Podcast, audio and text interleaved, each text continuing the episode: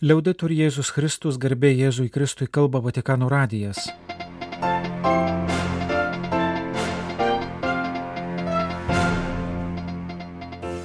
Malonus klausytojai šioje programoje. Popiežius suteikė pritarimą dviejų viskupų ukrainiečių išrinkimui. Kardinolas nominatas Agujaras. Šventojo sosto patikslinimas dėl Orlandį bylos. Į pasaulinės jaunimo dienas piligrimai atvyks dviračiais ir burlaiviais. Slovakijos saliziečių misijas koordinuos pasaulietis. Šių laikų tikėjimo liudytojai ir kankiniai Pakistane.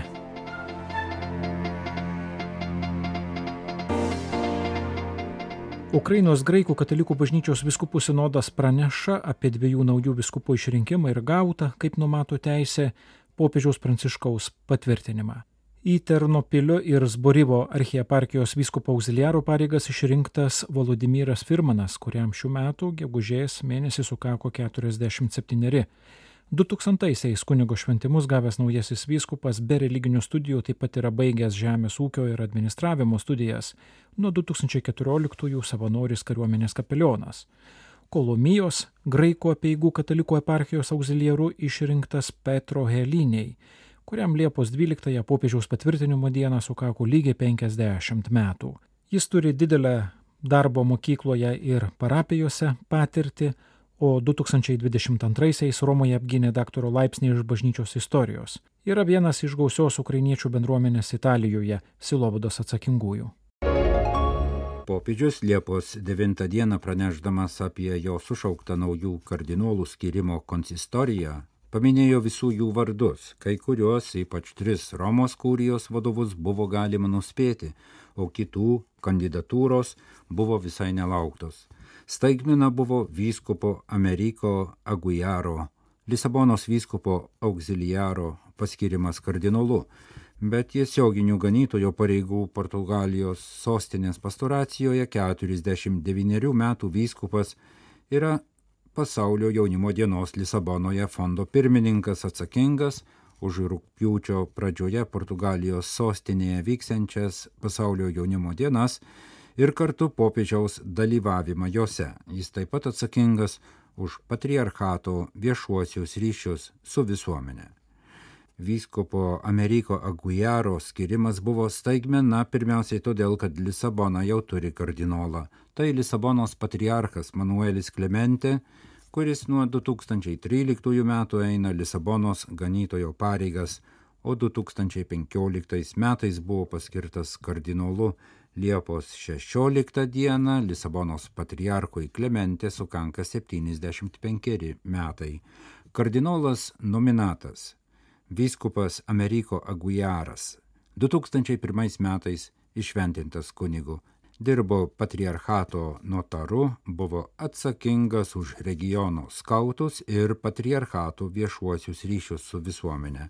2004 metais buvo paskirtas patriarchato generaliniu vikaru. Kartu ėjo kunigų seminarijos vicerektoriaus pareigas, vadovavo patriarchato nepilnamečių ir pažeidžiamų asmenų apsaugos komisijai iki šių metų kovo mėnesio, kai Portugalijos vyskupų konferencija nutarė, kad tokių institucijų nariais turėtų būti tik pasauliečiai. 2014 metais popiežius Pranciškus jį paskyrė Portugalijos sostinės vyskupo auxiliaru. Anot kardinolo nominato Gujaro, popiežius turėjo mintyse jaunimą, pasirengimą pasaulio jaunimo dienai darbus, kurie yra neįmanomi be jaunimo įnašo. Jis pažymėjo, kad žinia apie kardinolystę buvo džiugi ir pribloškianti staigmena. Jis vis dar neatsigavęs po nelauktos žinios. Esu tikras, kad popiežius norėjo pagerbti jaunimą, įvertinti jaunulius ir padaryti tai, ko prašo iš kitų, kad suteiktų jaunimui galimybę būti istorijos ir savo gyvenimo kuriejais, pažymėjo kardinolas nominatas Ameriko Agujaras. Vyskupas bus šeštasis dabartinis Portugalijos kardinolas. Trys yra galimi konklavos dalyviai Tai 74 metų Manuelis Klimente Lisabonos patriarchas, 76 metų Antonijo Marto Fatimos vyskupas emeritas ir Romoje tarnaujantis 57 metų Jose Tolentino Mendonca, kultūros ir katalikiško ugdymo dikasterijos prefektas. Kiti du portugalai kardinolai yra vyresni nei 80 metų. 85 metų Manuelis Monteiro de Castro, vyriausiasis penitenciarijus emeritas, ir 91 metų Jose Saraiva Martins, šventųjų skelbimo kongregacijos prefektas emeritas. Šventasis sostas dalyjasi Orlandį šeimos troškimu sužinoti visą tiesą apie mislingai dingusią Vatikano tarnautojo dukterį, pažymėjo Vatikano spaudos salė trečiadienį Liepos 12 dieną paskelbtame komunikate. 1983 metais 15 metė Emanuela Orlandį Romoje dingo ar buvo pagrobta. Vatikano prokuratūra šiemet pradėjo iki teisminį tyrimą, o popiežius užtikrino artumą mergaitės artimiesiems. Popiežius Pranciškus Birželio 25 dieną mergaitės dingimo 40-ųjų metinių progą išsakė savo artumą mergaitės artimiesiems ir ypač jos mamai, užtikrino, kad už jos meldžiasi. Šių metų sausio mėnesį Vatikano prokuratūra pradėjo tyrimą dėl mergaitės dingimo, nors Italijos prokuratūra dėl įrodymų stokos 2015 metais bylą nutraukė. Vatikanas prieš keletą mėnesių perdavė Italijai galimai su Emanuela Orlandi byla susijusius dokumentus, o pastarosiomis dienomis italų žiniasklaidoje keltos naujos bylos aiškinimo versijos remiantis Vatikano Italijai perduotą medžiagą. Naujausiame pareiškime Vatikanas patikino, jog Vatikano magistratai konfidencialiai perdavė Italijai turimus bylos dokumentus, kuriems taikomas tyrimo slaptumas, įskaitant šiemet pradėto tyrimo metu sukauptą medžiagą. Vatikano prokuratūra veiksmingai bendradarbiauja su kompetitingomis Italijos institucijomis, pažymėjo komunikate spaudos salės direktorius Matėjo Brūni. Jis patikino, kad šventasis sostas dalyjasi Orlandį šeimos troškimu sužinoti visą tiesą apie faktus, todėl Vatikanas vilėsi, kad visos tyrimo hipotezės bus ištirtos. Komunikate be to paminėta opi tema apie išpažinties slaptumą susijusi su viešai iškeltomis abejonėmis dėl to, ar jo buvo laikomasi tyriant priekabiavimo Orlandį šeimos aplinkoje įtarimus, kurie, pasak italų spaudos, leistų kitų kampų pažvelgti ir į mislingai dingusios Emanuelos Orlandį bylą. Žiniasklaidos pranešimų apie Emanuelos šeimos narę kontekste Vatikanas užtikrino, kad visoje Italijai perduotoje korespondencijoje šio klausimu aiškiai matoma, kad nebuvo jokio sakramentinės išpažinties slaptumo pažeidimo.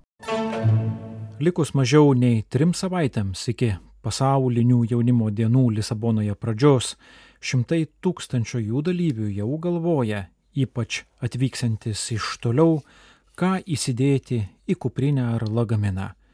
Bet yra piligrimų, kurie jau leidusi į kelią, kaip kad trys jauni Lenkai pradėję 3800 km žygį dviračiais. Kaip praneša portugalų žinių agentūra Eklezija, vienas kunigas ir du pasauliečiai jau prieš keletą dienų išvyko iš Krokovos dviračiais į Lisaboną. Gėris reikalauja pastangų, ištvermės ir nuseklumo, sakė piligrimai, prieš leisdamiesi į kelią po šventųjų mišių, kurios buvo aukotos Krokovo seminarijos kuplyčioje. Jie planuoja minti pedalus 21 dieną ir pasiekti Portugalijos sostinę Liepos 30-ąją. Kad šis ilgas žygis dviračiais būtų tikra piligriminė kelionė, jaunuoliai kasdien dalyvaus mišiuose ir kalbės rožinio maldą. Jei vieni Lisaboną pasieks dviračiai, tai kiti, kaip dalinasi Portugalijos skautai, žada iki miesto atplaukti vandens keliu. Pasak skautų piligrimystė susidėjęs iš dviejų dalių. Jaunuoliai keletą dienų žygiuos pešiomis, aplankys Fatimos Dievo motinos šventovę ir pasieks Portugaliją kertančią Tacho upę, kuri galiausiai įteka į Atlanto vandenyną. Lisabona stovi būtent prie šios upės žiočių. Numatoma, kad į Lisaboną atplauks apie 50 įvairaus dydžio laivų, valčių, jachtų, žvejų laivelių ir burlaivių, kurie gabens apie 400 piligrimų. Paminima, kad tarp laivų bus ir tradiciniai nedideli Tacho upės burlaiviai, kurie išsiskiria tuo, kad yra ištapyti ryškiais bei nutaikingais gėlių, augalų ir kitais motyvais. Vandens keliu į Lisaboną vyksantis piligrimai planuoja sostinę pasiekti Liepos 31 dieną. Galima priminti, kad popiežius Pranciškus, kuris simboliškai pirmasis įsirašė į pasaulinių jaunimo dienų Lisabonoje dalyvių sąrašą, Portugalijos sostinę pasieks rūpjūčio antrąją dieną ir liks Portugalijoje iki rūpjūčio šeštosios dalyvaudamas įvairiose pasaulinio jaunimo susibūrimo renginiuose.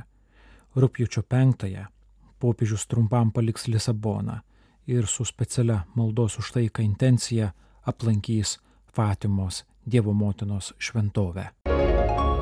Slovakijos saliziečiai praneša, kad nuo Liepos mėnesio už jų misijas kitose kraštuose atsakingas Janas Arešutikas, pasaulietis katalikas. Paprastai šios pareigos buvo skiriamos kunigui ir vienuoliui. Anot Slovakijos saleziečių inspektorato vyresniojo Peterio Timko, tai konkretus dalymasis silovadinėmis atsakomybėmis, link kurio kreipia sinodinis kelias. Į penktą dešimtį žengęs trijų vaikų tėvas su saleziečiais pažįstamas nuo jaunystės, nuo pamokų saleziečiams priklausiusioje gimnazijoje. Janas Rešutikas baigė humanitarinės ir informacinių technologijų studijas, kurios abi jam labai pravertė vėlesnėje darbo patirtyje nevyriausybinio sektoriaus srityje. 2012 metais Janas Rešutikas davė įžadus ir tapo Slovakijos saleziečių bendradarbių asociacijos nariu. 2020-aisiais kartu su trimis vaikais ir žmona Marija keturis mėnesius praleido misijoje Kenijoje. Pasak Slovakijos saliziečių vyresniojo Peterio Timko, saliziečių, kurie ypatingai darbuojasi ugdymo srityje, bendradarbiavimo su pasauliečiais tikinčiaisiais tradicijos yra senos ir gilios. Bendradarbiavimas su buvusiais saliziečių mokyklų ugdytiniais yra glaudus. Todėl popiežiaus Pranciškaus kvietimas eiti sinodiniu keliu, kurio vienas iš tikslų yra pabrėžti ir skatinti visos Dievo tautos, visų pakrikštytųjų, ne vien kunigų ar vienuolių, aktyvų vaidmenį bei atsakomybę, saleziečiams buvo labai suprantamas, natūrali ankstesnių tradicijų tasa. Salezietis taip pat pridūrė, jog pasauliečiai jau dabar turi įvairias svarbias pareigas Slovakijoje veikiančiose saleziečių institucijose. Jano Rešutiko pareigos apims gerą misijų planavimą, finansavimą, koordinavimą su partneriais ir kitus uždavinius, kurie artimi jo patirčiai nevyriausybinėme sektoriuje, įskaitant vadovavimą nevyriausybiniai organizacijai, kuri užsėmė vystimo projektais. Slovakijos aliziečiai turi misijas Bangladeše, Kongo demokratinėje Respublikoje, Eritrėjoje, Ekvadore, Čade, Kenijoje, Madagaskare, Šrilankoje ir Tanzanijoje. Nuo 2000 metų Slovakijos saleziečiams patikėta išskirtinė nedidelės Azerbaidžiano katalikų bendruomenės silovada. Sostinėje Baku saleziečiai pastatė naują bažnyčią, atidarė mokyklą ir parapijos namus, o vienas iš jų, Vladimiras Fekete, 2017-aisiais paskirtas pirmuoju šių laikų Azerbaidžiano katalikų vyskupu. Akašas Bahiras ir Šabhasas Bati yra tarptų pastarųjų 25 metų naujųjų tikėjimo liudytojų ir kankinių, į kuriuos popiežius vėl atkreipė dėmesį įsteigdamas specialią komisiją jubiliejus progą. Dvi asmenybės svarbios visų pirma dėl savo liudėjimo islamo daugumos šalise, kur krikščionių bendruomenė kaip mažuma diskriminuojama ir neretai persekiojama. Tai du mūsų laikų tikėjimo liudytojai, kurie savo krauju aplaistė Pakistano žemę, kur gyveno ir kur atidavė savo gyvybės už Kristaus meilę. Jaunas vaikinas Akašas Bahiras ir ministras Šabhasas Bati. Pirmasis pasiaukojo, kad apsaugotų savo parapijos tikinčiuosius nuo teroristinio išpolio 2015 m. kovo 15 d kai katalikų Šventojo Jono bažnyčioje Lahore buvo švenčiama sekmadienio Euharistija. Jis apkabino ir pastūmė savižudį sprogdintoje, kartu su juo susisprogdindamas. Antrasis gerai žinomas krikščionis tarptautiniu mastu dėl užimamų viešųjų pareigų buvo federalinis mažumų ministras. 2011 m. kovo 2 d. Islamabade jį nužudė teroristų grupė, siekdama nutraukti jo evangelinį įsipareigojimą vargšų, atstumtųjų, pažeidžiamiausių žmonių labui. Sudėtingame kontekste, kur musulmonų dauguma persmelkta radikalizmo ir ekstremizmo, šie du krikščionys paliudėjo paprastą ir tvirtą, gilų ir nuolankų tikėjimą. Evangelinių palaiminimų vardan pasiruošę duoti meilės ženklą priešui tai du tikintieji, į kuriuos šiandien gali žvelgti Azijos bažnyčia ir visas pasaulis. Semtis įkvėpimo, kaip būti ištikimiems Krikšto pašaukimui ir misijai, būti Kristaus mokiniais iki galo, be kompromisų. 2022 m. sausio 31 d. Akašas tapo pirmuoju Dievo tarnu Pakistano bažnyčios istorijoje Lahoro arkiviskupija oficialiai pradėjo jo betifikacijos etapą viskupijoje padedama saleziečių, kurie mokykloje lydėjo jaunąjį Baširą. Komisijos ir viskupijos tribunolo darbo etapas turėtų būti baigtas per šiuos metus. Žinome, kad viešpats laimina mūsų žingsnius ir kad ši pasiaukojimo patirtis duos vaisių mūsų bendruomenėje, pastebėjo Lahoro arkivyskupas Sebastianas Šo, Akašo Baširo nuopelnu įvardydamas įspūdingą kunigystės ir pašaukimui pašvestą gyvenimą augimą viskupijoje pastaraisiais metais. 39 metų Šabaso Bati, nužudyto ministro, istoriją Pakistane prisimena ir kasmet jo mirties metinės mini visų konfesijų krikščionių bendruomenės. Jaudinantis jo dvasinio testamento žodžiai, aš noriu tik vietos prie Jėzaus kojų ir troškimas sekti Kristumi kiekvieną akimirką, kiekvienu gestu paliko neišdildomą pėdsaką tikinčiųjų sąmonėje, o taip pat ir pripažinimo ženklą visuose visuomenės sektoriuose. Tebėra gyva jo misija sukurti teisingą, taikę ir tolerantišką Pakistano visuomenę, kurioje religinės mažumos galėtų naudotis lygiomis teisėmis ir gyventi taikiai bei darniai sako Karačio arkivyskupas emeritas kardinolas Josefas Kaucas, pažinojęs jį nuo vaikystės. Šabazas Bati buvo tarp religinės darnos ir žmogaus teisų skelbėjas. Šiandien jis yra kovos už engiamųjų teisės simbolis. Švelnaus charakterio žmogus visada prisimenamas kaip vargšų ir bebalsių užtarėjas, dialogo propaguotojas, skatinęs vienodo orumo užtikrinimą visiems teisingumą ir taiką. Tikėjimo kankinį ministrą Batį prisimena kardinolas.